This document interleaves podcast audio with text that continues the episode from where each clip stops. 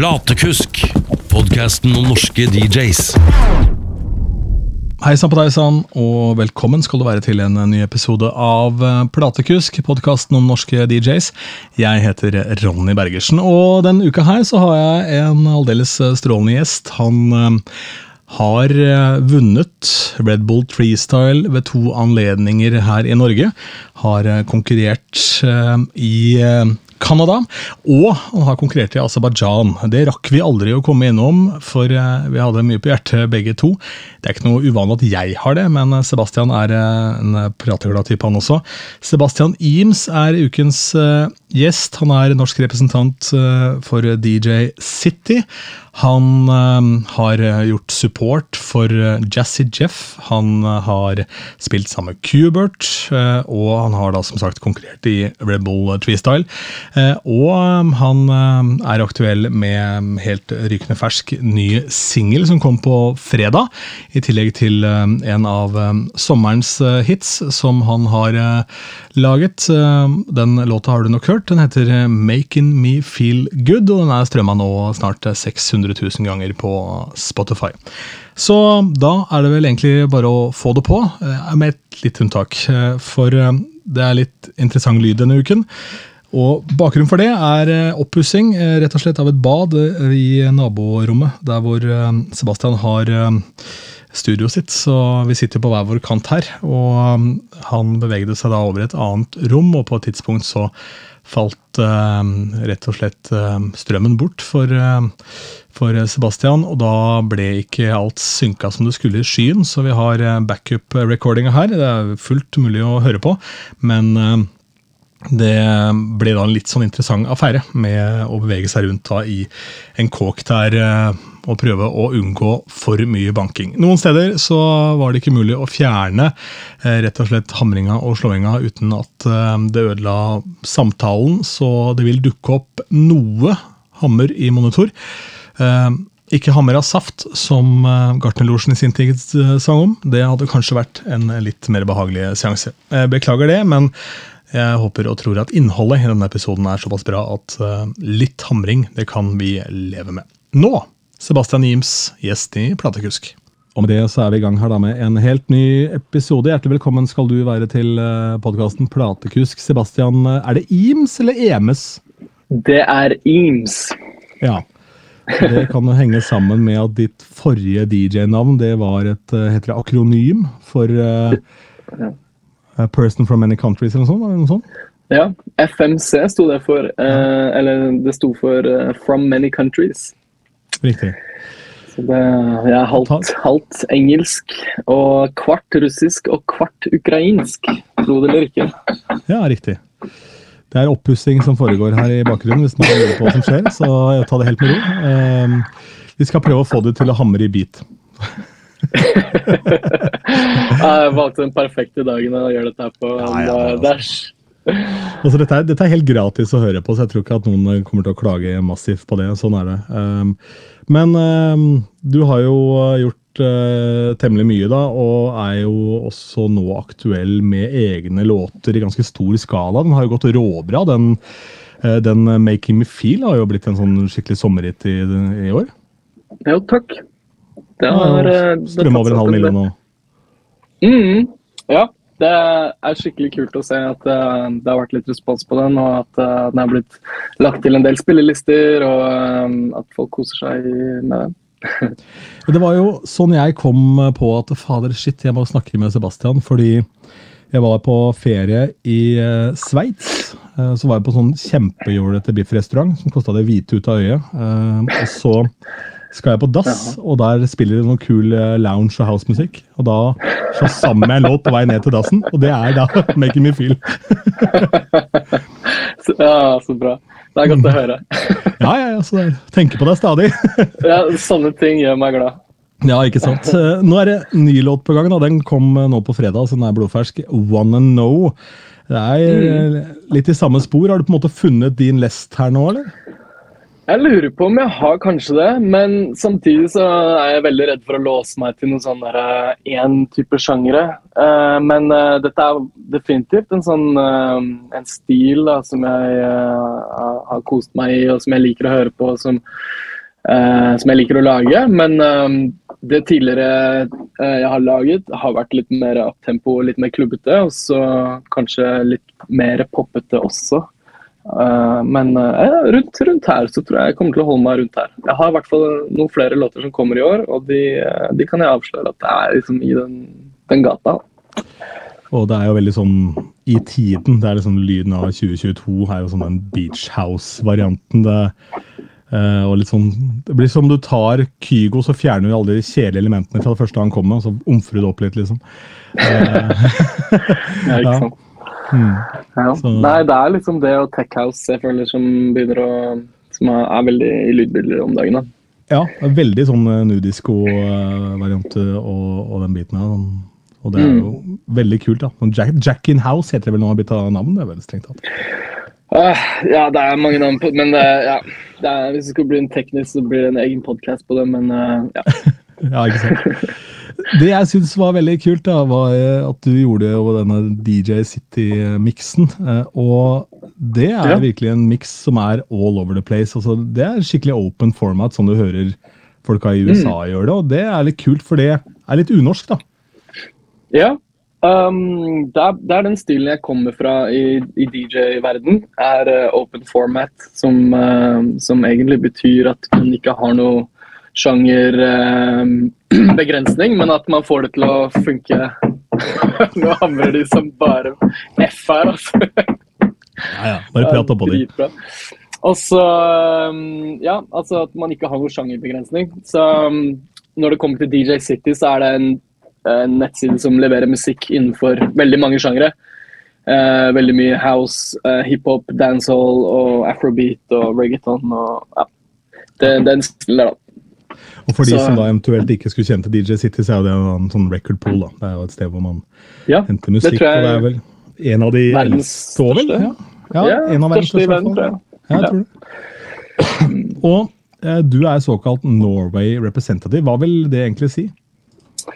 Um, det vil si at uh, jeg er en slags sånn uh, kontaktperson for dem i Norge. Og at, eh, at uh, jeg tipser dem om ting som skjer, eller om DJ som burde komme på podkasten. Vi skal ha en sånn uh, DJ City link-up uh, til høsten, ser det ut som. Hvor vi inviterer eh, folk fra forskjellige typer software til å holde foredrag. Og eh, så har vi gjestesett fra forskjellige DJs. Og så eh, ja, litt sånne happenings. Og så er jeg på en måte en kontaktperson for DJs som er affiliated med DJ City, som er på turné og hjelper til å passe på at de har det bra mens de er i Norge, og vice versa. da. Kult. For det er veldig imponerende synes jeg, ved DJ City, fordi de gjør så mye rundt i tillegg. Det er på en måte ikke bare her har du noen låter du kan spille, her har du noen eksklusive edits sånne eksklusive remixer. Men de Mm. har eh, ja, helt legendariske mm, altså nettkurs omtrent, som Mojax har kjørt her i alle år. Nå har det blitt Mm. kalt Beatsource, da, for det er jo samme folka i samarbeid med, med. Beatport, vel, som eh, kanskje samme eierfirma, lurer jeg på. Strengt tatt. Ja, det kan godt være. Men de er liksom veldig flinke da, til å dele kunnskap da, hele tiden. Det er liksom en del av forretningsmodellen deres er på en måte å, å bli kjent gjennom ikke bare å ha fete låter, men også være et sted hvor man kan gå og få ressurser og bli liksom flinkere på det man driver med. da.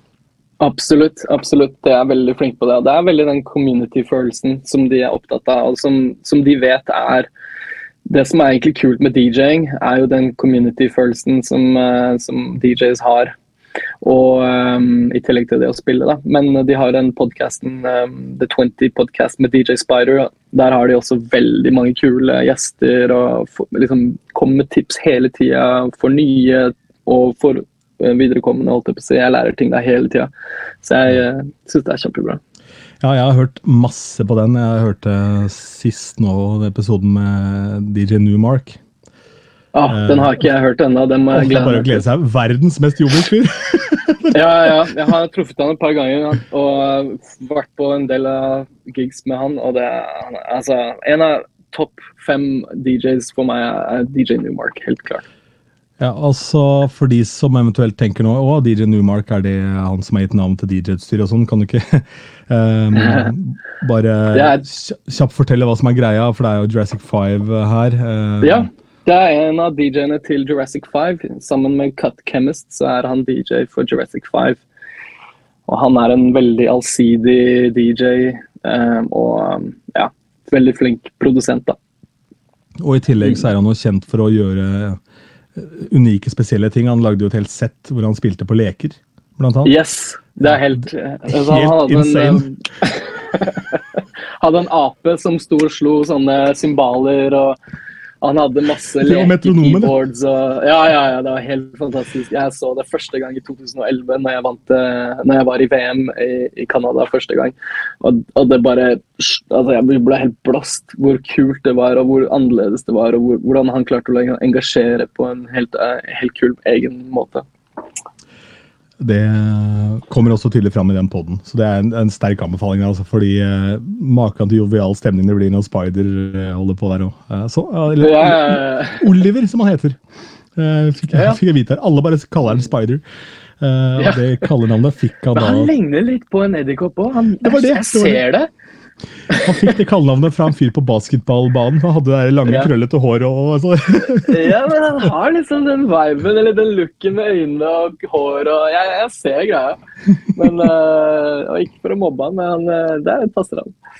Vi hadde en eh, fyr i klassen, det var, det var jo for å mobbe, da, for da var jeg drittunger. Han kalte vi for Hulka, for han så også ut som noen som bodde på bunnen av havet. Så, Ja. uh, håper det går bra Han ble ikke DJ, han ble ikke DJ altså.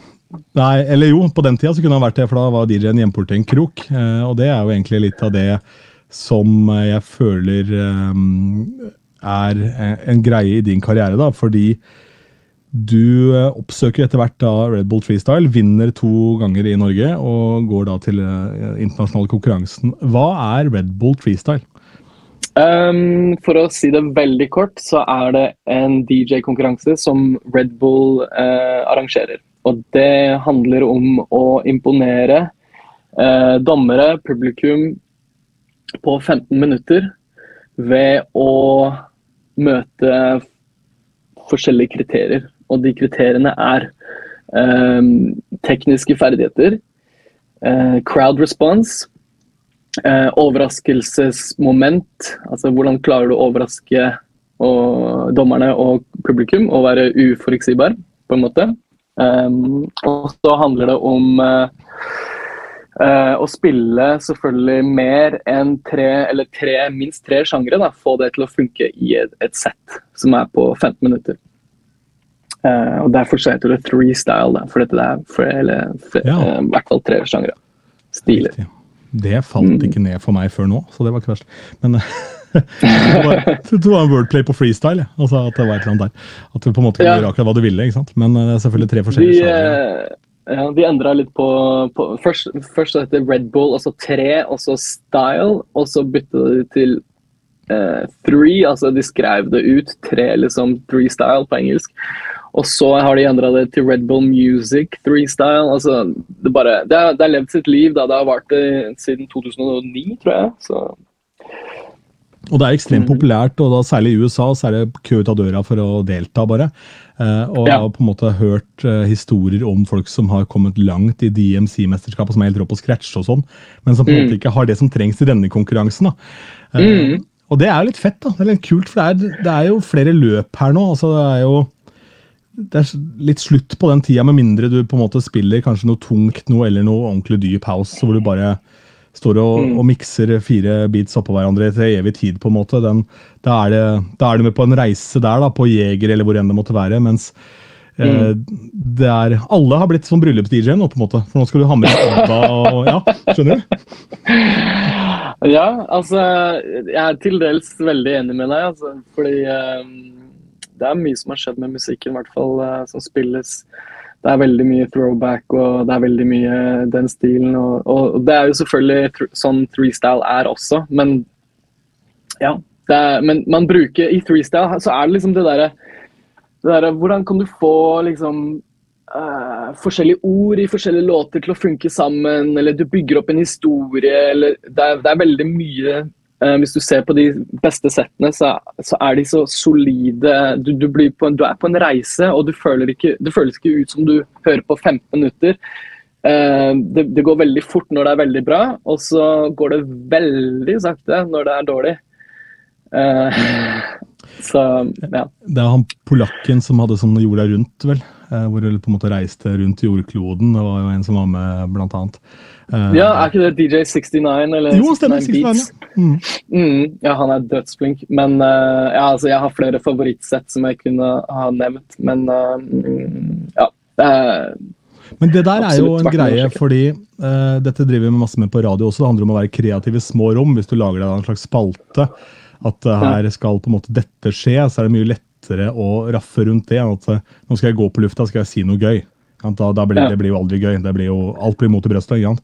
Eh, Helt sikkert. Um, så mm, jeg tenker også det at idet du på en måte lager deg et univers da, og Newmark nevnte vel det, han har jo en miksserie hvor han mikser låter på et kvarter omtrent, kun fra folk som er født med samme stjernetegn. Ja, stemmer det. Han, start, ja, ja, ja, ja. Ja. ja. For å liksom finne en knagg da. Men hvordan approacha du, eh, eller hvordan havna du egentlig inn i den Red Bull-greia i det hele tatt? Um, helt ærlig så uh, Jeg skal ikke prøve å lage til en sånn der, um, spennende historie som det ikke var. egentlig. Jeg ble oppringt av uh, en DJ som uh, ble hyra til å booke uh, inn DJs til konkurransen. Så i, Norge er så lite i musikkbransjen og DJs og sånne ting, så det, det er veldig sånn Halla, er du keen på å være med? Det er ikke noe sånn der du må sende inn en miks og kille det, og så tar det tre måneder, så kanskje du hører fra oss. Det er, det er ikke sånn i det hele tatt. Det er ikke sant, Alle kjenner alle, og eller alle vet hvem alle er. Um, så jeg ble egentlig ringt opp fordi at jeg var i klubbmiljøet på den tida. Og jeg spilte open format, og jeg var kanskje litt uh, up and coming.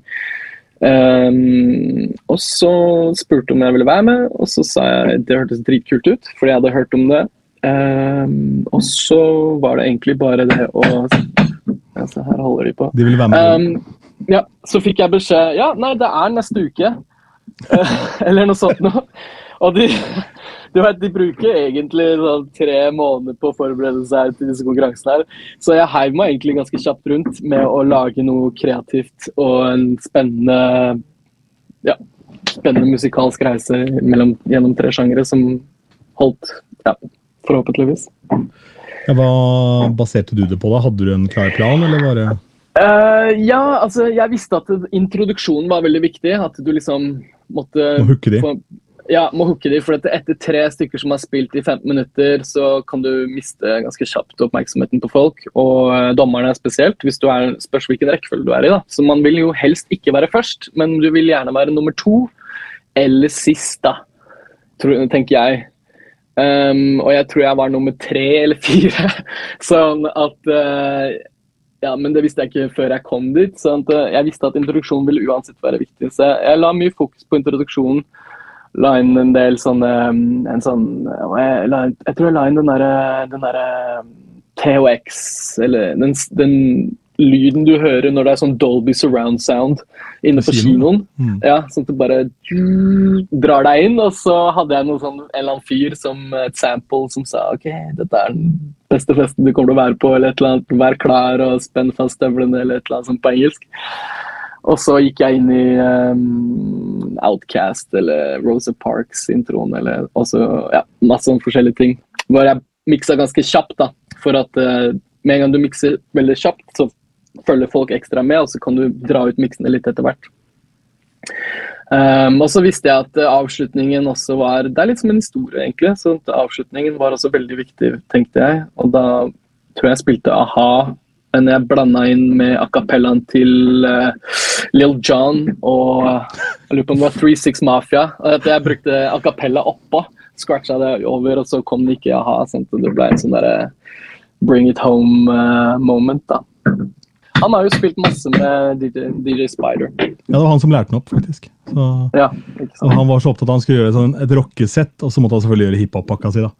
Eh, Men jeg har hørt en eller annen DJ-podkast hvor jeg har vært og sett han i Vegas. da, hvor liksom bare faen, Lil John skal han stå og hype på mikken hele tida, men han spilte hardcore hiphop. liksom. Og har Ja. full kontroll og full peiling. Han naila noe greier skikkelig på Twitch skjønte jeg, med noe eh, med noe ordentlig bra visuals. Og fullpakke full pakke, så han er jo, er jo Ja, det er kult. det er har opp, oppussingsprogram nå, borte i USA, hvor han stikker og puster opp hos folk. Har han det, eller? Han er hos meg nå. Ja, ja, ja. Kommer ut en sånn jævel med grills ut av Ja, bare å si yeah når vi er ferdige, liksom.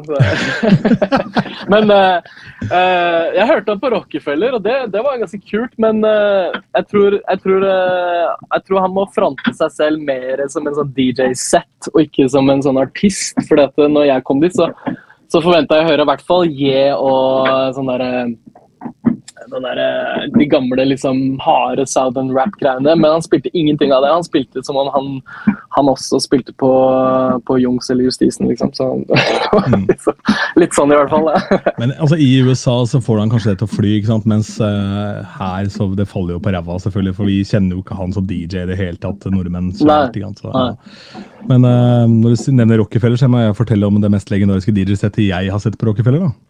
Ja, hva var det? George Moroder. OK. Ja. Hvor han da var 75 år gammel.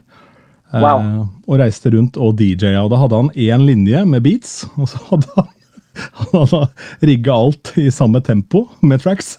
Så han dro opp, den, dro opp den andre linja, og der kom jo da uh, What a Feeling og eh, Berlin Take My Breath Away og alle låtene han har produsert og vært med på. Eh, og så dro han da ned den linja, så var det bare beats, så kunne vi synge med. Hei, så kult! ja, det er én måte å gjøre det på. Jo, jo, men det var i hvert fall du følte at det var eh, in the presence of greatness. da, for da faen eller Ja, George absolutt. Moroder. liksom. Ja. Ja, ja, men herregud. Det, jo, det var sånn Avicii gjorde det, ikke? Han lagde en miks med alle låtene sine i en, på ett spor, og så brukte han bare filtre og sånne ting. Ja. Så, men eh, er du en, er du en, er du en legendarisk produsent så, og skal framføre låtene dine med lysshow og alt som skal være i, i, time og alt sånne ting, så har jeg ingen problem med at du ikke mikser. Det er et show. Nei, eh, det, og det er vel nesten så du ikke får lov også på de store festivalene. Det er så kjappe changeover, og ting går liksom så unna, alt skal rigges opp og ned og sånn. så Mm. eh, det, det blir litt som som et TV-show. Live TV-show og sånn er jo alltid playback. alt sammen. Så, Ikke Stjernekamp, det kan jeg bare avsløre. At når jeg DJ-er på Stjernekamp, så er det 100% live. Så alle fuck-ups og alt sånn du hører fra meg, det, det gjør jeg med, med stolthet. det står også på lista mi at DJ på Stjernekamp. Hvordan får man en sånn type giga? Da kanskje man vinner Red Bull, eller? Freestyle? Um, nei, du blir egentlig eh, samme måte som du blir med på freestyle. Du blir oppringt. Oh, ja. Yes.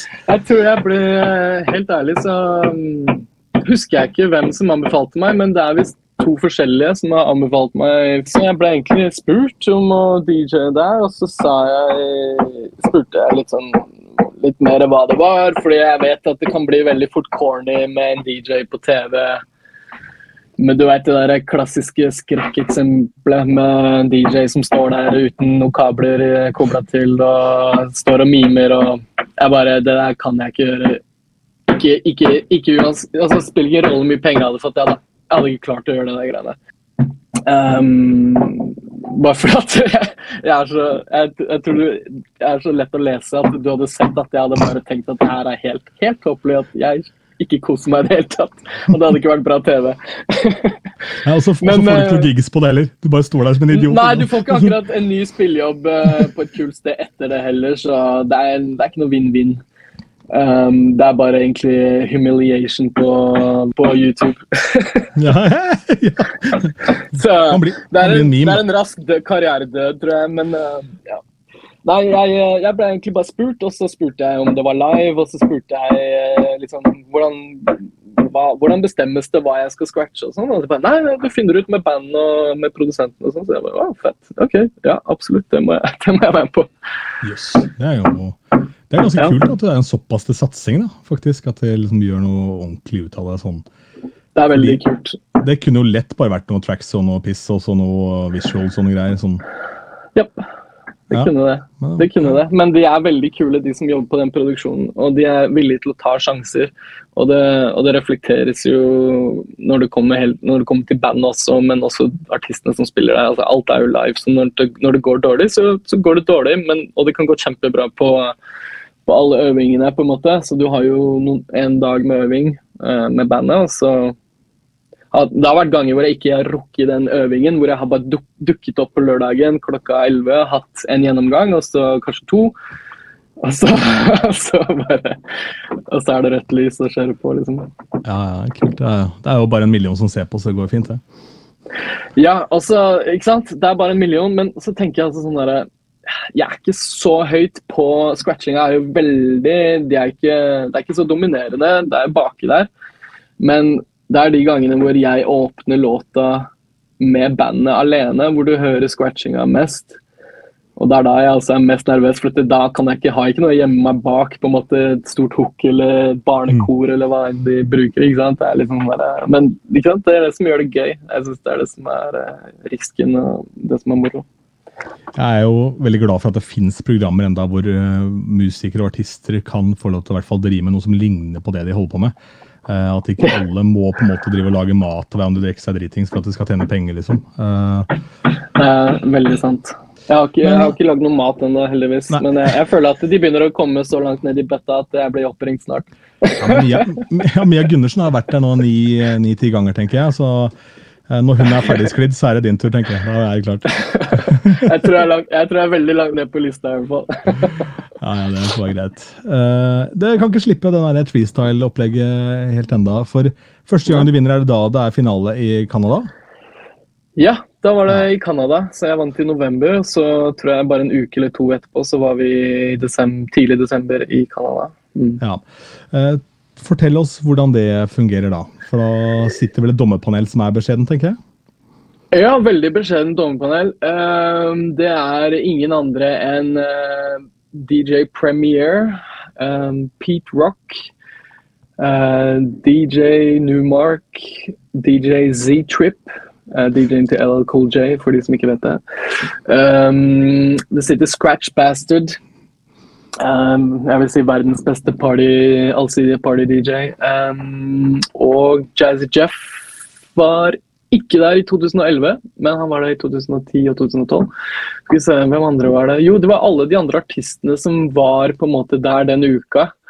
Og det var um, Jo, Peanut Butter Wolf var der. Og så Jeg har jeg har ikke plakatene hengende i studio, jeg tror jeg har den et annet sted. Men uh, det er, det er knippe av de som var der, da. Rolig gjeng med skills der, så det er jo greit. Eh, Hvordan påvirker det eh, huet? Ja, man, man blir temmelig nervøs eh, av tanken på at de heltene dine sitter og hører på deg. Og du har liksom 15 minutter hvor de sitter, sitter med penn og papir og følger med på DJ-settet ditt. Så det, det, det får deg til å bli litt nervøs. Men, men så har du så har du, De sitter ikke i en spotlight, på en måte. De sitter, eh, de sitter litt sånn elevated eh, på en sofa litt sånn bak, høyt oppe. Og så har du en svær crowd foran deg, så det er ikke bare de.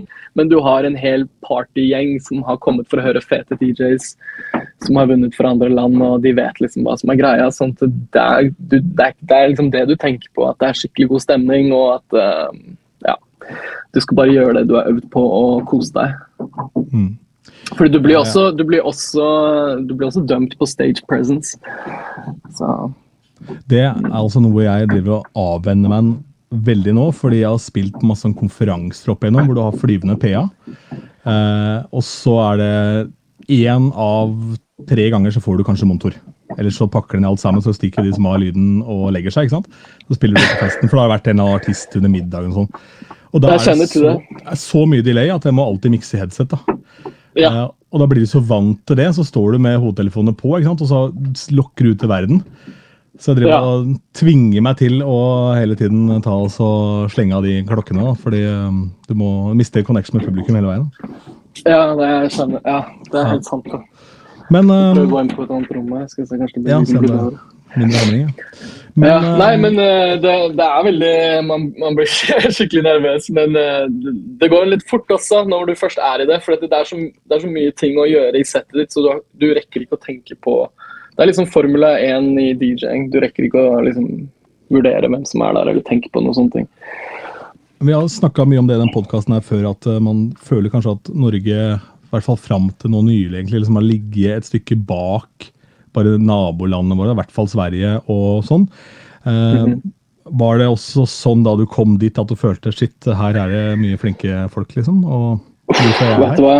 Ja, ja, vet du hva, jeg hadde akkurat den tanken der når jeg kom til, uh, når jeg kom til Vancouver. og så satt Vi på, altså, vi hadde, vi hadde, jeg hadde booka det sinnssykt hotell til oss, og så hadde de en hel etasje med bare sånn bare sånn shuffleboards og Xboxer og, og, og tre-fire forskjellige DJ-setups. og Det var liksom en sånn restaurant, eller hva heter det, kokk 24 timer som bare lagde mat til oss. og Det var sånn Jess Blaze glemte jeg, han var jo også med i, um, i dommerpanelet. Han gikk rundt der, og, og det var bare sånn der, alle gikk rundt. og Det var bare sånn Alle artistene, alle dommerne var der. Det var en sånn camp, ikke sant. sånn at jeg gikk rundt der og tenkte faen, hva er det jeg driver med? Jeg, hva, hva, er det jeg gjør her? Jeg har liksom spilt i Det var 2011, jeg begynte å DJ ordentlig på byen i 2008-2009.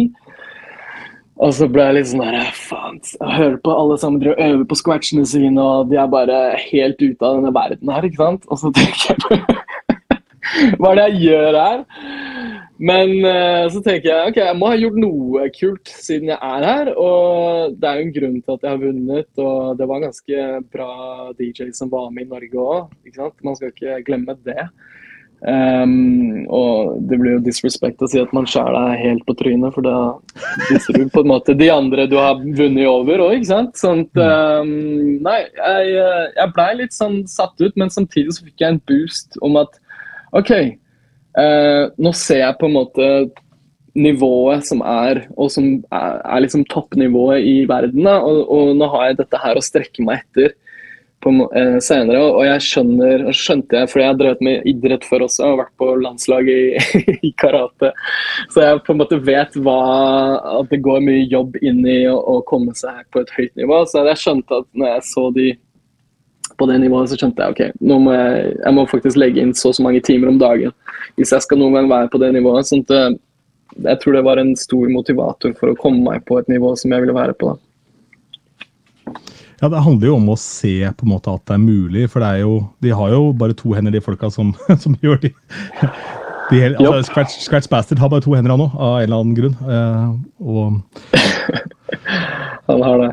Ja, jeg, Heldigvis. Første, første gang jeg så han, jeg har aldri sett han live, men første gang jeg så et eh, sett av han eh, For jeg hang meg ikke på det greia med å stikke på Twitch og se forskjellige sett, men da var det en medlem som heter DJs Volt, og da de hadde sånn Mm. eh, hadde jubileum, toårsjubileum eller noe sånt, så hadde de leid inn han da til å gjøre et sånt, et sånt jubileumssett. da.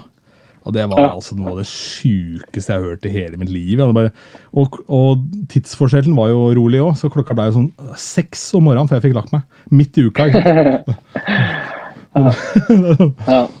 Jeg har, øhm, jeg har sett han øh, veldig mange ganger nå, og hver gang så ble jeg helt, helt, helt blåst av hvor, hvor, hvor, hvor, øh, hvor funky og hvor kult og hvor lite teknisk det trenger å være for at det er kult, men også samtidig hvor teknisk du kan være uten å kjede folk. Mm. Fordi det er det som er liksom ofte greia, i hvert fall i Norge. bare sånn, å, du scratcher det, ah, gidder du å være sånn, ikke scratche, ikke liksom bare sånn, og det er ikke det vi er keen på å høre. Og det, og det er jeg helt enig i, at det er liksom, det er ikke noe verre enn å høre noen gjøre en dårlig scratch-overgang liksom, uh, på en klubb hvor man danser. Men hvis du klarer å gjøre det uh, på en cool, fresh og en måte som kommuniseres riktig til publikum, som de kan forstå, uh, så tror jeg du vinner ti ganger på det enn å ikke gjøre det. Det er jo eh, kanskje der hvor eh, DMC, i hvert fall før, mista meg litt. da. For ikke sant? De skal finne den beste cutteren, og da blir det så intenst og så sjukt at eh, mannen i gata som er interessert i musikk, henger ikke med i det hele tatt. Ja. Mm. Eh, For det blir så veldig teknisk avansert, da. Og så, og så syns jeg det er kult med det Red Bull-opplegget, og sånn, for det handler veldig om musikaliteten og liksom flowen i ting. da, og det er jo... Det er jo en av mantraene til Jazzy Jeff, og det handler jo om det liksom at du må på en måte ligge i musikken hele tiden. Du må liksom ha den der, Ja. Uansett om Helt det er en effekt du legger på, eller om det er en scratch, eller hva det er for noe, så er det Hva er det han sier for noe? Det er, det er scratching is the seasoning. Du kan ha salt og pepper, eller du kan ha Mm. Mm, ja, ikke sant? Han klarer alltid å si det så bra. Det er helt riktig. Det er som en effekt. Mm. Ja, det blir jo det, ikke sant? Og noe krydder. Det blir det. det blir det. Men å høre på DMC og sånn, altså det er det, er, det er også viktig for DJ-kulturen å ha det aspektet, for dette er det som pusher på en måte kulturen videre på det aspektet, tekniske aspektet. Um, og, og, det er så sykt viktig for kulturen og for de som er interessert i det, og for de som vil inkorporere deler av det i kanskje det partysettet sitt. Så har, altså Det blir som å høre på verdens beste bassist eller trommis i, i, fem minutter. ikke sant? Det, han kommer ikke til å spille en enkel groove som du kan danse til. Han kommer til å gjøre noe flashy, crazy, nyskapende. ikke sant? Helt next level. Det er så enkelt som at de verdens beste, uansett hva det er snakk om, spiller jazz. ikke sant? Så ja, det er, sånn. det er, ikke, det er ikke noe eh, Men eh, for å liksom ta det helt tilbake, da, så mener jeg å huske at jeg har lest eller hørt en plass at du starta med DJ-en sånn, i studentmiljø? På sånn litt sånn random? Ja. Um, hvis du skal ta enda lenger tilbake, så starta jeg på fritidsklubben da jeg var um, ni-ti år. 11-12 år. Um, der jeg vokste opp, så sant, når du har den fritidsklubben hvor alle går på diskotek, som det kaltes back in the 90s Uh, så, så, var det egentlig fascinasjonen som kom derifra. Um, fordi det var veldig sånn Det var kult å kunne danse, og alle kompisene mine var flinke til å liksom, De hadde sine, sine moves og sånn, men jeg, jeg, hadde ingenting å komme med. Men uh, jeg var veldig glad i musikk, og jeg var veldig opptatt av musikk. Jeg brukte veldig mye tid på å bare komme hjem fra skolen og sette meg ned og høre på musikk med kompiser og sånne ting. Sånt, um, og veldig mange forskjellige sjangre. Så jeg hørte på liksom alt fra Cypress Hill og Aerosmith til Progedy og, og liksom alle vestkystrapperne og Tribe Called Quest og, og, Nas og Biggie. og Samtidig som jeg digga Guns N' Roses. Jeg var superfan, og Michael Jackson selvfølgelig. og ikke sant? Dette her, så det gikk, Og Thunder Doom med liksom drum and bass. og liksom, Jeg var all over the place. Um, men når vi var på denne klubben, da um, så, så bestekompisen min, Morten, broren hans, eh, han var DJ-en der. så når han skulle ut og ta seg en sigg, så fikk vi lov å, å stå inne der og late som vi spilte.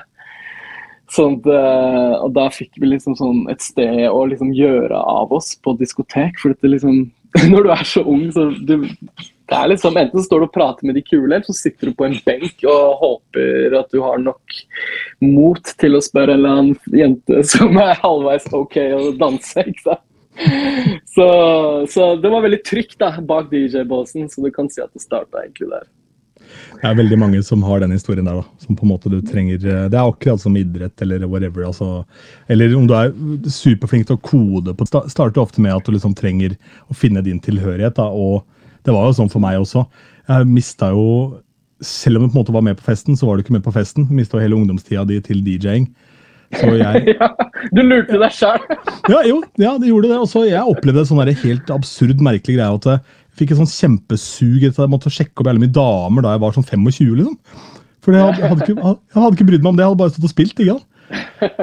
Så da ble du han derre kåtskalken som fløy rundt som 25-åring. Det var ikke noe kult, ikke sant? men det er jo greit. Ja, ikke sant. Jeg var sikkert sånn uh, så, sånn sjøl. Men så kommer, Nei, kommer det til studenter begynner på Ja, BI, ikke sant. Men jeg mister jo denne interessen egentlig i uh, litt sånn jeg ble 14, for da begynte jeg å rappe. Så jeg var i en rappgruppe fra jeg var 14 til jeg var ca. 18 år. Og når jeg flytta til Oslo og begynte på universitetet, så falt det litt, falt det litt ut, rappinga. Um, fortsatte litt grann uh, ute i 20-åra, til jeg var kanskje 22, uh, eh, til jeg begynte å studere. Og når jeg begynte å studere, så uh, hadde de en sånn På BI, da, så hadde de en Jeg skulle studere kultur og ledelse. Veldig skeptisk til å studere på BI, men kultur og ledelse det var liksom, det syns jeg var innafor som business, arts and management da, på engelsk. Men de hadde sånne studentutesteder og foreninger. Uh, da kunne du være bartender, eller du kunne liksom drive med lyd og være DJ og sånn. Og da var, det, da var det det jeg meldte meg på, egentlig. Uh, men jeg meldte meg egentlig på fordi at jeg var på en studentfest og hørte DJ. og så var jeg veldig Jeg var ganske cocky og tenkte fy faen, vet du, det her var jævla dårlig. jeg kan gjøre så mye bedre enn det her. Um, og Og så, sånn meldte jeg meg egentlig på. Og så må du jo liksom uh, lære deg dette her, da. Og så, så Jeg hadde en telefonsamtale i i går med en brud som hadde tatt kontakt via nettsiden min. hvor uh, Gifter seg om et år, og så var det sånn Det er, er sikkert veldig frekt, men du kan mikse, ikke sant? så Det er, litt Wow. gøy da, at uh, generasjonen nå er vant til at, uh, at det skal være flyt da, over det hele, liksom. Uh, og på en måte fader ut alle låtene, og sånn, så tror jeg man faller veldig gjennom. altså Du må jobbe opp skill-basen din litt grann for å overfor det moderne brudeparet. på en måte, så Det er ikke dumt, det. altså. mm, Mm. Absolutt. Men du har jo de ungdommene som er veldig sånn kommer opp til deg på spillejobber. I hvert fall der, På de yngste klubbene jeg spiller, så er det for, altså de var, Jeg tror de ble 20 under covid, det er fordi de hadde ikke vært ute på byen før uka. Altså. Når de spør hvem er det som har Q-en, Ja. hvem er det som har neste Q? altså, det er, jeg skjønte ikke hva han mente. Nei, hvem er det som har neste Q? Og så liksom peker han på kompisen sånn, litt sånn spørrende, er det han, liksom? Så bare ser jeg på han og bare Nei, det er meg. Jeg har neste Q. Jeg har Q-en til klokka tre. ja, ja, alle Qs, jeg. ja, alle Qs Hva mener du Q-en? Sånn derre legg you, til Q. Ja, dette er ikke Spotify. Selv om du, jeg har en Spotify-klistremerke på Mac-en min, så er det mer sånn fordi det er gå inn på Spotify hør på meg, liksom. Det er ikke Ja, fordi jeg spiller fra Spotify. Jeg har jo navnet mitt rett over det klistremerket, liksom. Ja, anyways. Ja, jeg har en eh, kompis eh, som Eller bekjent, det er vel nå. Uh, røker litt uklar, men det er noe så. Men han DJ masse med to Spotify-kontoer. da.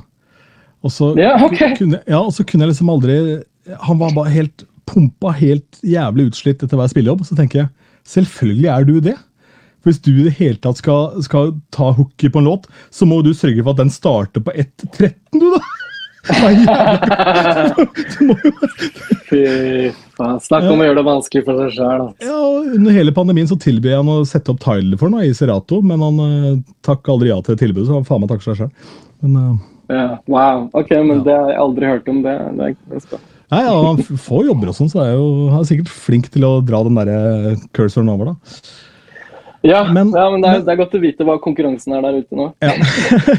men det blir jo da uteliv etter hvert, da. Eh, Hvordan eh, havner du på klubb etter å ha vært Jeg fikk min første jobb på Jeg, jeg egentlig ble litt lei av å spille på, på studentkroa. For jeg, jeg, tok, jeg fikk på en måte alle vaktene til alle de andre også, fordi de var ikke så gira på å spille. De var mest gira på gratisøl og stå fistpumpe ved siden av DJ-en og få litt den oppmerksomheten du får eh, av å stå der oppe. da. Så jeg endte med å ta ganske mange vakter der og spille gratis et år. Og så fikk jeg spørsmål om jeg ville spille på den der restauranten som er ved siden av, som het Kokamok. Den, den leide de ut til sånn 40-årslag og bryllup og det ene og det andre. Og da, da fikk jeg liksom Ja, du får 2500, og så får du fem øl, og så Jeg bare Hæ?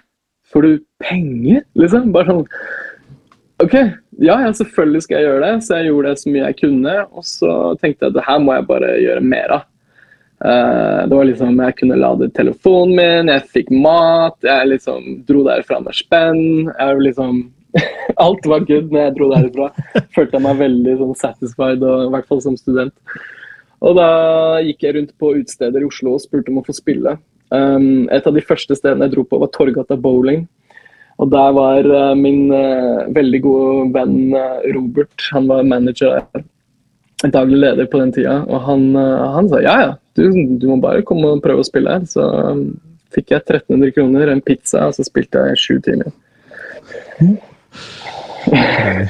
Ja. Det var det første. Og så fra derifra så, så utvikla det seg til at jeg spilte litt mer kulere steder, og så balla det på seg. Um, og så, så var det et utested som jeg begynte å spille på i 2009, som het Fugazi.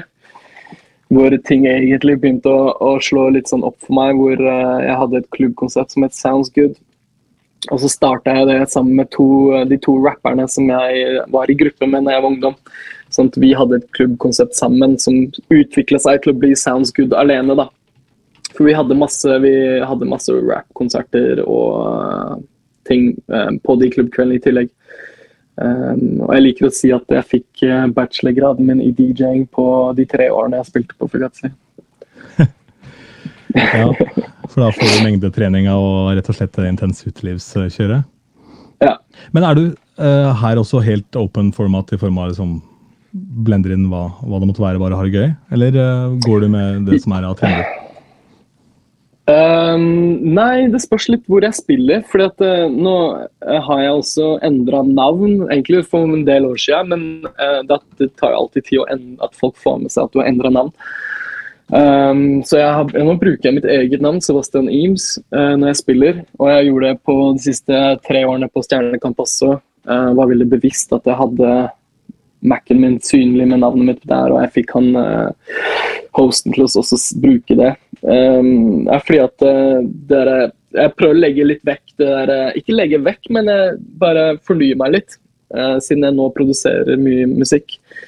Og har fokus, prøver å ha litt fokus på at jeg slipper egne låter som artist. Sånn at den battle-greia vil alltid være DJ FMC og, og sånne ting. Um, men uh, som Sebastian Eames, så, så, så som klubbbildet er i dag, så er det veldig det er veldig open format. sånn at eh, Hvis jeg spiller på et klubb, så med mindre du spiller på en, en respektert houseklubb, da, eller en sånn bottle service-klubb i utlandet som bare har house-musikk, på en måte, så, så, så er det på en måte en given at det er open format. sånn at Jeg trenger liksom ikke å ha DJ foran navnet lenger uh, og sånne ting. Jeg følte at det var litt sånn utdatert.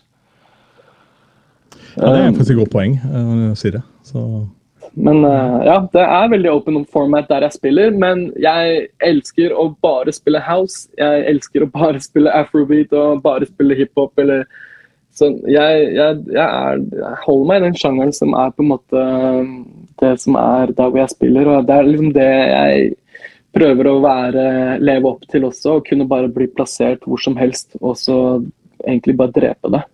mm. Ja, ja, det var det samme som Hercules var også inne med. Han sa også det.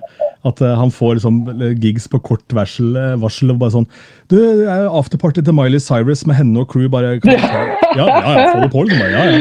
Uh, vet du hva, det er så han, han altså, det, det er det jeg digger med Hercules også. At han, han, han er ikke sant, Hercules ikke sant, det der, fra liksom P3 med, med National Rap Show og superkredibel og liksom den fete DJ-en og bare gir så faen og spiller på Miley Cyrus uh, staff party.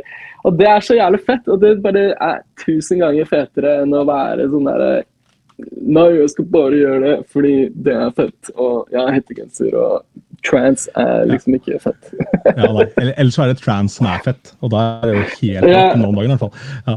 Ja. Du er Ørjan Nilsen, da. Ja, ikke sant. Men uh, det er en sånn legendarisk historie fra Nashville. For det, har du vært i Nashville? Nei, ikke ennå. Tenker bare countrymusikk, ja, men alle de som driver de countrybarene, de er interessert i penger. Så i, Mm. oppe i etasjen så er det nattklubb, for da har du dobbel, dobbel eh, baromsetning. Ikke sant? Så der er det helt eh, sånn litt sånn Las Vegas light eh, på strippen der. da.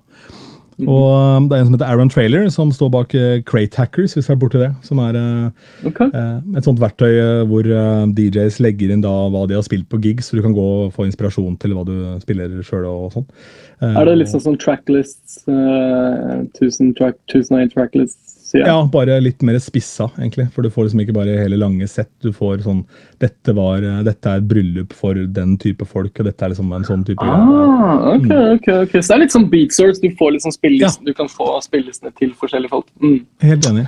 Uh, og i hvert fall så har han booket en DJ som heter Drew Pearce uh, til å spille da der nede, for han er sånn entertainment director for Johnny Cash Estate, faktisk. Ok. Eh, og Drew Pearce han er liksom super open for meg. Da spiller bare what the fuck, liksom alt mulig går.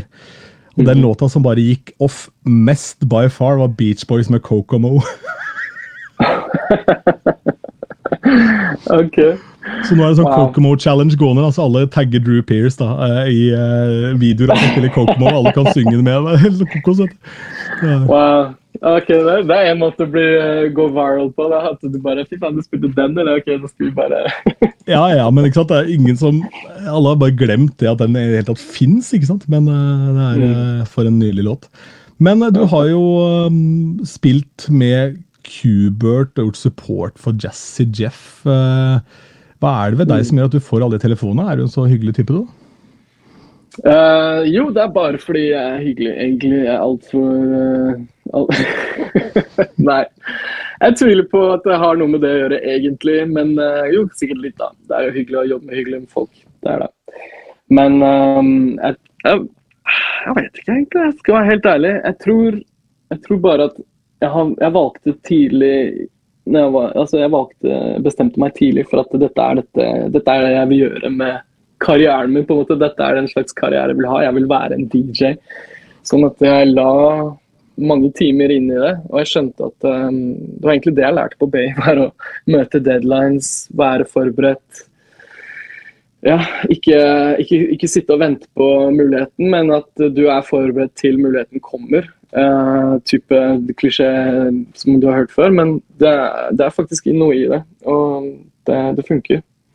Sånn at uh, ja, Du kan spørre samboeren min, som jeg har vært sammen med i ti år nå. Hun, uh, hun vet at jeg har stått hjemme i timevis, forberedt lister, lagd overganger, lagd videoer, promotert meg sjæl og, og, på en måte gjort jobben, føler jeg. da, Gjort de 10 000 timene. Sånn at um, kanskje det har på en måte over, blitt oversatt, eller hva heter det, har translated.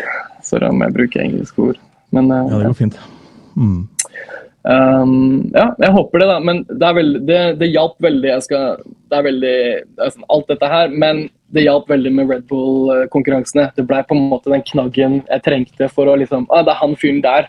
Det er ikke han fyren som liksom må, gjorde alt det jeg, jeg, ramset opp, men det er liksom Å ja, det er han fyren fra Red Bull. Det er han fyren fra det, eller sånt. Ja. Mm. Og når du har det, så, ja, så er det litt lettere å liksom, Så ja, ikke sant. Og så er jeg turné-DJ for Son of Light, som eh, er eh, desidert den feteste, eh, mest legendariske rapperen i Norge, etter min mening. Mm. Så, så, det hjelper jo å få sånne oppdrag. Og sånt, da, da vil plutselig Da vil det liksom OK, da vil Cezinando ha meg for dette på en turné, eller jeg var med Karpe på en turné, eller jeg har vært med Vinni på en turné og sånne ting. For dette, ja, det er bare enkelt å finne noen som er flink tenker jeg da. Ja, det er, det er, jo også få som på en måte kanskje har den spissinga og den derre Hva skal jeg si Den derre litt sånn Speidermentaliteten er alltid beredt. Liksom alltid på, alltid klar. Ja. vet du hva, Det er så meg av speidermentalitet. Vet du hva jeg har i bilen, eller? vet du hva, Jeg har en spade, jeg har førstehjelp, jeg har liksom ekstra flaske med vann. Jeg har sikkert en livredningsvest, og jeg har en, en sånn Swiss Army knife. Altså, Jeg er sånn doomsday prepper uten å vite det engang, tror jeg. Jeg, bare, jeg fikk en kommentar bare Alltid beredt, eller? En gang jeg åpna bagasjerommet. så, så, ja, der har du meg. ass. Det, det, det slo det opp for meg, faktisk. Jeg har, eh, jeg har, en avslutning her nå hvert øyeblikk med noe sånn eh, rapid fire. Not so rapid fire, pleier jeg å kalle dem, for det drar jo ofte ut litt, disse spørsmålene. Men før det så må jeg ta to ord om noe alvorlig. da, fordi eh, med tanke på hvor du kommer fra, så må det være veldig rart nå å være halvt russisk og halvt ukrainsk? Uh, kvart ukrainsk og kvart russisk. Ja, ja, halvt engelsk. Ja, halvt engelsk ja. Uh, både ja og nei. Egentlig så fikk jeg vite for ikke så lenge siden at jeg var kvart ukrainsk. Jeg alltid trodde jeg var halvt russisk, men moren min, snakker, altså, moren min snakket ikke så mye om uh, hvor hun var fra uh, i Sovjetunionen, og hvem, hvem uh, Hun har en lang historie fra derifra. Men det var egentlig nå, når dette her skjedde, at jeg fikk vite det. og jeg har ikke noen familie utenom tanta mi i Russland som jeg ikke har noe kontakt med. Eh, jeg har ikke hatt kontakt med siden jeg var liten. Og jeg har heller ikke familie i Ukraina, så eh, jeg føler meg ikke truffet på den måten som du kanskje tenker. Men er liksom, det er jo en del av identiteten min og familiehistorien min. sånn at det, det er jo tragisk som, og, og, trist. Og, og jeg ser det på en måte fra øynene til en en som bor i Russland, fordi at vi har venner og familie i Russland, men også at eh, å være i Norge og, og, se all den støtten og, og, og, se hva som skjer i Ukraina og alt dette her eh, Det som har skjedd der med invasjon og sånn, så at alt som er på flukt og alt det fæle som har skjedd. Så det er, eh, det er veldig rart. Ja, det er absurd, liksom. Det er eh, først pandemihelvete, og så kommer dette her nå sånn Og du er så nærme òg. Det er på, på dørstokken, liksom. Mm, det er det. det er det. Og så har jeg eh, flere russiske venner eh, i forskjellige aldre, og som har barn. Og jeg hører om, eh, jeg hører om venner som har barn som blir mobba på skolen fordi de er russiske. De, de har venner som har andre vennepar som har vært eh, gode venner med ukrainere som plutselig ikke vil snakke med dem lenger. Og som har bodd i Norge nesten hele livet sitt. Og det er veldig veldig rart det som skjer nå. Det er veldig sånn Plutselig er vi ikke venner, selv om vi ikke har noe tilknytning til det som politiske som skjer i Russland, men vi bor i Norge. Det... Hører du meg? Ja, jeg hører deg. Ok, sorry. Jeg fikk en samtale, skjønner du. Å ja, ja. ja, skjønner. Eh, Vi nærmer oss veldig slutt her. Jeg bare klipper og limer. Det går fint. Gjør det, så bra. Eh, Nei, altså, ja. det, det er det. Det er veldig, det er veldig spesielt. Så å se det fra begge perspektiv. Ja, helt klart. Jeg ser den. Um, Mm. Ok, dette blir en veldig hard overgang, men um, du har vært gjest i, i en annen bra. tidligere. Og du er faktisk helt nødt til å fortelle om denne Stratos-historien. Stratos-historie? Å ja! Mm. Å, herregud. Å, shit. Har du La hørt oss den? da? etablere Stratos. da. Det er jo Oslos tak. Det er jo uh, på Youngstorget. Um, Ja, det var, eh, det var eh, et veldig, veldig kult utested på, på, på Youngstorget, på toppen av Arbeiderpartibygningen der. Um, jeg får kanskje legge litt sånn bakgrunn for det, men jeg står og spiller, og jeg vet ikke om for de som har vært der, så er det, det er en fin klubb. Og det er, eh, det, det er inngang, koster penger å komme inn, det er liksom gjesteliste. Ja. Det er bord, du kan kjøpe deg bord, du kan eh, Men samtidig som at det er laid back og folkelig og hyggelig, med, med litt stive priser. Ja, og så er det, og så er det litt sånn se og bli sett-faktor også i tillegg. Fordi du har en god miks av alt mulig rart. Uh, Yes. Men det er et eller annet med det idet du går inn i en heis og tar den helt til toppen, så er det på en måte noe eget. Ja, Ja, det er det. det, er det, det, er det. Og så er det, på, det er jo på Youngstorget, det er ikke på Solli plass. Hvis du uh, skal Mm. begynne å si vestkanten og østkanten. Men uh, uansett, jeg står og jobber. Jeg er på jobb, står og spiller. Har en kjempebra kveld. Faktisk veldig koser meg skikkelig. Klokka begynner å bli tolv. Nå er liksom nesten helt fullt. Og er, jeg vet at det er lang kø ute fordi det er lørdag. Det er midt på sommeren. Um, og så um, uh, Overraskende nok så jeg, kommer det en dame opp, en jente opp og spør om å få høre en låt. Uh, og så spør jeg hvilken låt. Uh, bare sånn ja, har, For å si det sånn, jeg har vært gjennom alle skalaene av, uh, av hyggelig til sint når det kommer til uh, å, å ta imot requests. At eh, eh, jeg bare Nå er jeg ganske hyggelig, vil jeg si, når jeg får requests. Så jeg spurte egentlig bare hvilken låt, og så sier hun nei, um, du skjønner, jeg er her med et utdrikningslag, og vi har vært og spilt inn en låt i studio. Og det hadde vært så kult om du satte på den nå. Fordi da ta, kommer det til å ta helt av. Um, skulle Overbeviste hun meg om. Og selvfølgelig skjønner jeg at i hennes hode, som har vært i studio, et musikkstudio for første gang i sitt liv, med alle venninnene og drukket masse Prosecco og Selvfølgelig er hun Er det gøy å høre den?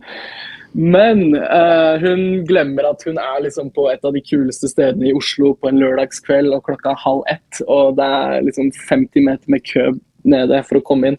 Og det er ikke et sjel på denne jord som vil høre den låta utenom, utenom de 13 jentene som er der ute. da. Så, hvordan skal du kommunisere det til en person som har den uh, som har den ivrigheten etter å høre den låta mens du står og mikser og holder et dansegulv gående, da. Sånn at jeg prøver å være litt kjapp på det, og så sier jeg å, det hørtes kjempekult ut, men dessverre, kan, det passer ikke å spille den låta her, eh, fordi vi er på et utested med mange andre mennesker som aldri har hørt den, sa jeg. Og da tenkte jeg at, den, at jeg fikk beskjeden over at hun kom til å skjønne informasjonen, at, at det liksom gikk opp for henne at det kanskje ikke var så lurt, da. Eh, og da kanskje at hun la, la den dø. Um, hun så på meg skikkelig skuffa, uh, og så gikk hun bare. Hun sa egentlig ikke noe. Og jeg følte at det var en sånn du kommer til å se meg igjen-blikk jeg fikk. Uh, det går typ fem minutter, og så kommer en annen jente. Um, og hun har um, Jeg vet ikke om hun hadde Om hun gikk sånn egentlig, men for jeg helt ærlig med deg, så hadde hun dratt ned toppen sin en del. Og hun hadde håret sitt satt opp, og hun var veldig liksom glad for å se meg. Um, og det, Regroup.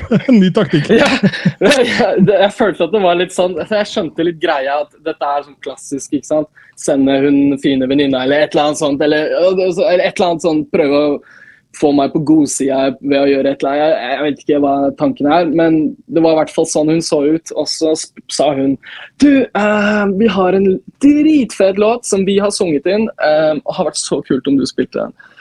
Uh, det kommer til å ta helt av. Jeg lover.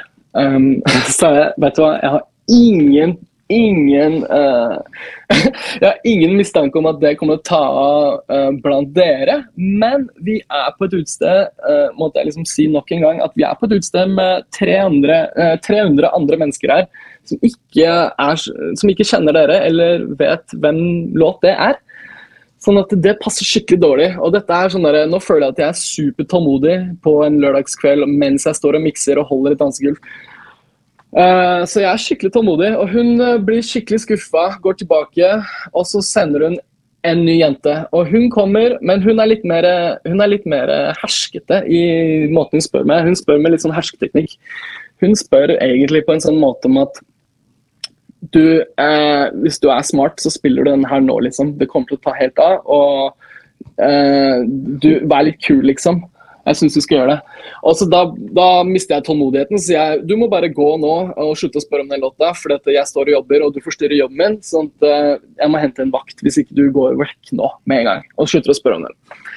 Og Det sier jeg på akkurat den måten jeg sa det på. Og Hun forsvinner, og hun får liksom ti sekunder med meg. Eh, og da sender hun mammaen til bruden, eller den der bacheloretten, liksom.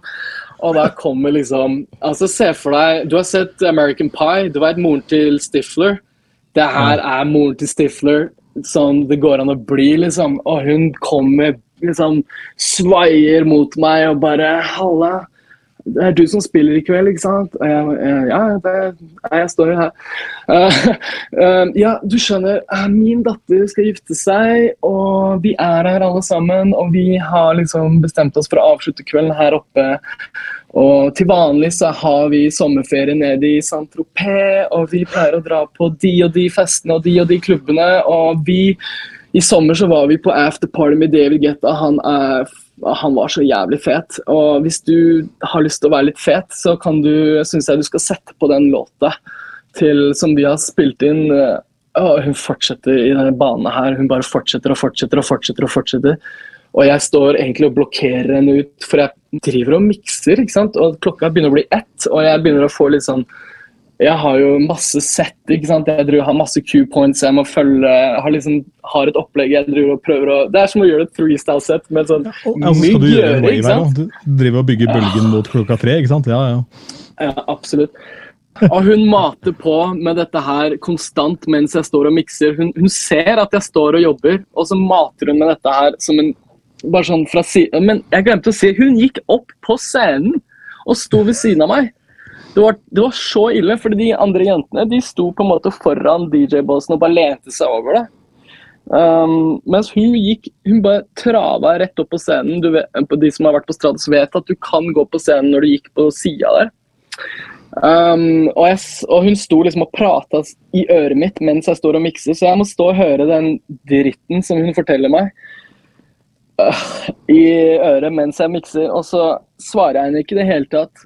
Fordi jeg er så inni Jeg prøver å være proff og holde, meg, holde musikken gående. fordi altså, det var, Jeg kunne egentlig bare stoppa musikken og skjelt den ut, men det er ikke en proff måte å håndtere det på. Så jeg, det jeg visste at jeg hadde to-tre minutter jeg kunne puste litt, og gjort ferdig miksen, så så jeg på henne og så sa jeg, hvis ikke du fjerner deg fra scenen nå, så henter jeg vakta og fjerner alle som er her sammen med deg, ut herifra med en gang. For du hindrer meg i å gjøre jobben min. Og da mista hun hele den der Saint-Tropez-glowen sin, og hele ansiktet hennes ble sånn Å, faen! Eh, hva er det jeg gjør her oppe? Jeg, liksom, jeg er faktisk en kunde på et utested. og han er Mm. på jobb. eh, og jeg har kanskje drukket litt mye Prosecco, hun fikk litt angst, og så gikk hun bare med en gang. Og takk Gud for at hun gjorde det! og rett, altså rett etter det så kommer liksom crewet mitt, altså mine beste kompiser, kommer liksom De kom liksom dansende opp mot DJ-bordet til meg rett etter det. da. Og Bare 'halla, godt å se deg', liksom. Og, bare, og jeg hadde jo det, jeg hadde døden i øynene mine og hele ansiktet mitt. Det så ut som jeg hadde liksom fått vite at jeg skulle aldri spille igjen, eller et eller annet sånt. Altså, jeg hadde bare Jeg var så frustrert, ikke sant? Mm. Så de bare hva, hva, som hva skjer med deg, går det bra? Jeg bare, ok. Eh, så så jeg på en annen kompis som var også DJ, så sa jeg, hei, gidder du bare spille fem minutter? Jeg må ta en sigg. Hente litt luft, ja. Fy faen. Og så tok jeg en sigg, og så kom faen meg en av de jentene opp Ja. til meg mens jeg står og røyker. Så sa jeg, jeg bare så på henne og bare, du peller deg til helvete vekk fra trynet mitt. Jeg gjorde et bryllup på Losby gods, og da var det en jente som kom og maste så jævlig om jeg kunne spille jenka. Så sier jeg for faen, det er ikke sånn verden funker. Altså, Conga Lines og jenka det oppstår av seg sjøl. Du, du fremprovoserer ikke det. Du ikke på mikken 'nå skal vi ha jenka'. Da er du jo, er du jo klovn, da. Eh, og hun maste og maste og maste, og maste, ikke sant? så sier jeg ok, eh, så tenker jeg jenka er interessant, for det finnes jo en million versjoner. Så hvilken versjon vil du ha? Da klarte jeg liksom å uh, occupy en, en halvtimes tid der, da. Ja, det er fantastisk. Det er Et beste måten tidspunkt så forlater jeg DJ-boksen for å gå på dass. Da står jeg og prater med brudepar, og de er drithappy, og de har sendt om en sinnssykt fet liste med låter som liksom, det var mulig å gjøre noe ut av. Det var liksom ikke 5000 låter på en Spotify-liste og greier. Og så hører jeg faen meg jenka. Så Hun forbanna drittkjerringa har gått opp i DJ-boksen og bare bypassa Serato, trykka play på, spot, nei, på, på YouTube, på Sputnik med jenka. Wow. Eh, Oh, det er ganske dilemma, fordi du er på et privat oppdrag ja. i tillegg. Så hmm, et hvordan løste du det? Ikke sant? Nei, Ja. greia er at jeg, altså, jeg har lyst til å skalle damen i bakken. Altså Det, det, er ikke noe, det er ikke noe god måte å løse det på. Nei, jeg var sånn full Mr. T on her ass? Og bare, ha, faen. Og så står hun også rett ved siden av meg. Eh, på sånn typ en meter unna og kikker bort på meg, sånn, akkurat som hun ikke har gjort noe feil. eller hva greier liksom. Og så skjønner jeg etter hvert hvorfor hun står der og skuler, for hun har klart å glemme mobiltelefonen sin da, i boksen. Men, det, men jeg så ikke den før det kom en kar og snappa den opp. da. Men den nedriggen tok to timer, for det kokte så jævlig i huet. Mm. Og så slenger jeg inn den siste bilen, og tror du faen ikke det der Neket blir henta? Hun bor ikke på hotellet, hun blir henta. Eneste menneske jeg ser fra den festen, etter festen, er hun. Oh, man. Oh, Åh, hadde de solgt hagler på bensinstasjonen, så hadde det blitt en tung kveld. Men eh, Mm. Du, vet hva, jeg har, jeg har et par gode sånne historier. Altså. Er, jeg, har, jeg har virkelig eh, jeg har noen gode ass på lager, så det der ja, vi må ta en par to med litt sånn eh, jeg, jeg tenker vi får samle en liten gjeng og så kjøre et sånt, eh, en sånn kollektivpod som en bonus litt nærmere jul, med noen sånne Ja, ja, eh, horror stories og litt sånn forskjellig. Uh, Jeg vurderer å gi ut en bok. jeg, ass. Ja, kanskje det. ja. Det er ikke noe dum idé, det. altså. Det er Forfatter også smaker godt å kunne være det. da. Ja, så branche ut litt, tenker jeg. da. Helt klart. helt klart. Ok, Sebastian, vi skal eh, ta og sende deg av gårde. Du har, eh, du har jo tre små unger. Tre barn under tre år og DJ på fulltid. Det er imponerende. Takk. Mm. Tålmodig eh, dame, da. Veldig. Ja. Verdens beste. ja. Det der er det god lærdom i. Finner du en som funker og som skjønner at dette er en jobb, så stick with it. Yes, absolutt. Da hiver vi oss inn i rapid fire, så jeg kan sende deg ut til uh, Oslo eh, i Tigerstaden. Uh, Favorittgig, og den er todelt, som du har vært på, og som du har gjort sjøl. Favorittgig som jeg har gjort sjøl. det må være en gig En tidlig festivalgig, kanskje Slottsfjell eh, 2012. Eller en gig jeg gjorde med første gigen med Son of Light i 2011. Mm. Uh, beste gigen jeg har vært på Beste gigen jeg har vært på eh, uff, Må ikke være en DJ heller. Kan bare være en eller annen OK, det var Prince. Det var Prince. ja. oh, i, i, i, i Freestyle-uka. Eh, dagen, to dager før jeg skulle se Kanye West og Jay-Z Watch the Throne, så dro vi på Prince-konsert. Ja. Det var det beste. Jeg hadde billetter til Prince 23.07.2011, um, og så ble Ja. konserten flytta. Og Mm. da kunne ikke han kompisen min som skulle være med på den, være med, så da skrev jeg på Facebook Hvem har lyst til å være med på Prince? Og da skjønte jeg, og da skjønte jeg at jeg måtte liksom uh, revurdere hele vennegjengen min, fordi det ville jo ingen. Ingen gadd betale for det. Hæ? Ingen? Nei, men det var jo helt absurd. Eh, Og så vil tanta mi være med. Og så skriver jeg da, i dette var jo da man hadde lange samtaler i kommentarfeltet, så sier jeg ok, eh, Anne-Marit, kan du noen andre sanger av Prince enn Kiss og Purple Rain? Ja. Nei, det kunne hun ikke. Nei! Så endte jeg opp med å selge de billettene, for jeg hadde dårlig med penger. Å oh, nei! Du, vet jeg har en Prince-historie. Når jeg var 19 år, så spilte Prince på Konserthuset. Og så ville jeg dra, men jeg hadde ingen å dra med, så jeg var ikke tøff nok til å dra alene. Så gikk jeg glipp av det. oh, Jesus, altså. Ja. Ja. Eh, hva ville den mannen du er i dag, sagt til han unggutten som begynte å DJ på den ungdomsklubben fordi eh, det var litt skummelt å spørre de jentene om de ville danse? Å, shit.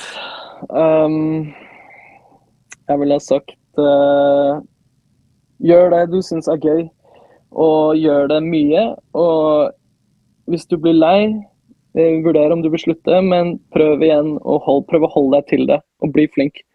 Og ikke slutt. Motiver deg selv. Kanskje bruke det som en slags uh, hobby tidvis, da, ikke sant? og så bare spille ting du liker sjøl for deg sjøl, eventuelt. og se om du kan... Nå er det jo mulig også å Mm. komme ut digitalt og gjøre ting ut av det hvis ikke du har planer om å leve av det. Ikke sant? Kan få et publikum eh, over hele verden. Mm. Favoritt-DJ, eh, og da vil jeg både ha norsk og internasjonal. Wow. Eh, internasjonal kanskje Scratch Bastard, bare fordi han er allsidig, han har presensen og sånn. Alt mulig. Alt er der. Absolutt alt. Um, Og så er han ser så jovis ut, han ser ut som en postmann. liksom. Sånn. han, ja, han er så blid, og han har det så gøy. Det er ingen som har det like gøy som han. Um, og det viser han. Um, beste norske DJ-en som jeg syns Uff. det- Kan dra på et par navn, da. Uh, definitivt um, Faen. Ah, det er liksom uh, Det er så mange, men uh, jeg, vil, jeg vil si de tre beste jeg syns er i Norge som, i, i den stilen jeg DJ-er, så vil jeg si det må være Fingeren, det må være uh, det må være Hercules og Daniel Gude og DJ Soulshock. Uh, Patsky Love, absolutt, oppi der. Ja. Så ja. Ikke sant? Det er, jo, det er jo gjerne de litt som går igjen. da. Så det er Spennende å se om det kommer en underskog av liksom nye, kule kids som får det talentet, og som blander den der turntablism-greia inn med på en måte den musikk, den bredden i paletten av ting du spiller, eller om alle står Mm. og dunker house, liksom. Ja, ikke sant. Mm. Jeg tror det. Jeg tror det. De, eh, altså de som er på klubb nå, de er vant til å høre så mye forskjellig på klubb. sånn at er på, Jeg tror det er standarden. Men når, når, når vi starta, så var det Eller jeg starta, så var det Det var veldig sånn Du spilte mye norsk house, Lindstrøm og, og Ja. alt dette her. ikke sant? Ellers så var det, ellers så var det bare hiphop. Ja, ikke sant. Hva er favorittsysselen favorittsyssel å holde på med når ikke du er ute og spiller? Vi får nesten holde unga utafor, da, for det blir jo ja, fami familieliv er familieliv. Eh, Mm. Det er alltid sånn tid for det. Men uh, utenom det så produserer jeg musikk, ellers så bygger jeg platting. Eh, jeg, pusser, jeg har et hus, jeg pusser opp en del, eh, lærer meg det. Ellers så, ellers så er jeg glad i å være ute i naturen. Eh, så corny som det høres ut, så eh, liker jeg å fiske. det er veldig bra. Og så er det siste spørsmål, og det er jo for mange kanskje det aller viktigste i hele episoden. Og det er hva som er din favorittbit i Twist-posen. Twist-posen åh, vet du hva? Alle som kjenner meg veldig godt, vet at jeg er en godtegris og prøver å slutte å være en godtegris. Men når det kommer til Twist-posen, så liker jeg Jeg liker Dime, jeg liker kokos, jeg liker den franske. Og jeg liker um, den derre toffee. Sånn at, og lakrisen, da, selvfølgelig. Så at det er egentlig alle utenom jævla bananen. På, på Team Bergersen. Ja, Vi har en sånn uh, beef gående her med Team Banan og Team, eh, og team eh, Lakris, som jeg er på. da. Men eh, forrige uke så gikk det helt til helvete, for da hadde vi jo eh, eller Forrige gang da hadde vi Cosmic Dawn, og hans to favoritter var banan og lakris. Da ble det, var- det rakna det i Ah, huet. Så ja, Ok. total, stopp. Sebastian, du, takk for tida di. Det var helt nydelig. Masse bra lærdom her. Og um, bare det at man kan dele litt av inntrykkene ved å på en måte være til stede i sånne ville ting som, som Treestyle eh, og åpenbart var, da, med det dommerpanelet og den gjengen som endte opp der. Det er jo det er gøy, og jeg håper det kan være inspirerende for, eh, for mange andre. Så Det håper Eh, jeg. ta Tusen takk. Det var veldig, veldig hyggelig å være med. Takk skal du ha. ja, kult. Eh, Fortell folk eh, hvor de kan eh, få tak i deg i sosiale medier, og sånn, hvis de er interessert i å se litt av tingene du driver med og høre musikken din. og sånn. Ja, du finner meg på, på Spotify. Sebastian Eames. Eames staves EMES. Og det er det samme på Instagram, at Sebastian understrek Eames. eh, Facebook for de eh, som er over 40 og 50 som bruker det. Det er det samme. Ellers så er jeg på TikTok siden 2022. Og der er det altså Sebastian understrek Eames. Og eh, masse, masse triks og miks og overganger som jeg gjør på utstedet, ligger der. Hvordan er kjøret på det? Er det bra trøkk, eller? På TikTok? Ja. Jeg satt og så på TikTok for første gang for ikke så altfor lenge siden. Jeg, jeg tror jeg satt i to timer og ble Ja. fascinert av hva folk finner på å gjøre. Men jeg tenker det at din stil og de tingene du gjør, er veldig sånn appellerende til, til det formatet. Så jeg håper at det Ja, ja, ja, og du kan skrive kommentarer på hva du gjør også, så det, og det varer liksom i 20 sekunder. Så det er, det er veldig mye å ta inn på 20 sekunder. Og hvis du syns at dette her ble på en måte litt for for formelt og hyggelig, og vil høre Sebastian ufiltrert sammen med to andre hyggelige karer, så har han også vært gjest i podden Utdrikningslag. Den er å anbefale. Der er, der er det bra trøkk. Uh, Det er noen år siden. da, da starter hele podden med at uh, det er ikke 'from any countries', det er 'fuck et eller annet'. Ja, eh, ja, det er, jeg husker, ja, det er så mange bra, bra, bra 'Fuck many cunts', tror jeg det ble til slutt. Ja, det er en av de tusen som er det. Mm. Ja, nydelig. Nei, den er, er, en, er jo for så vidt en veldig, veldig fin podkastepisode, selv om det er litt løs snipp, kan du si. Eh, Med Hemen og Zawadi, ja. Mm. Takk for eh, tida di. Ha en eh, fortsatt eh, ja, god sommer. Det er jo enn så lenge august. Og lykke, lykke til med platingen. Tusen takk. Ha det. Du har hørt Platekusk, podkasten om norske DJs.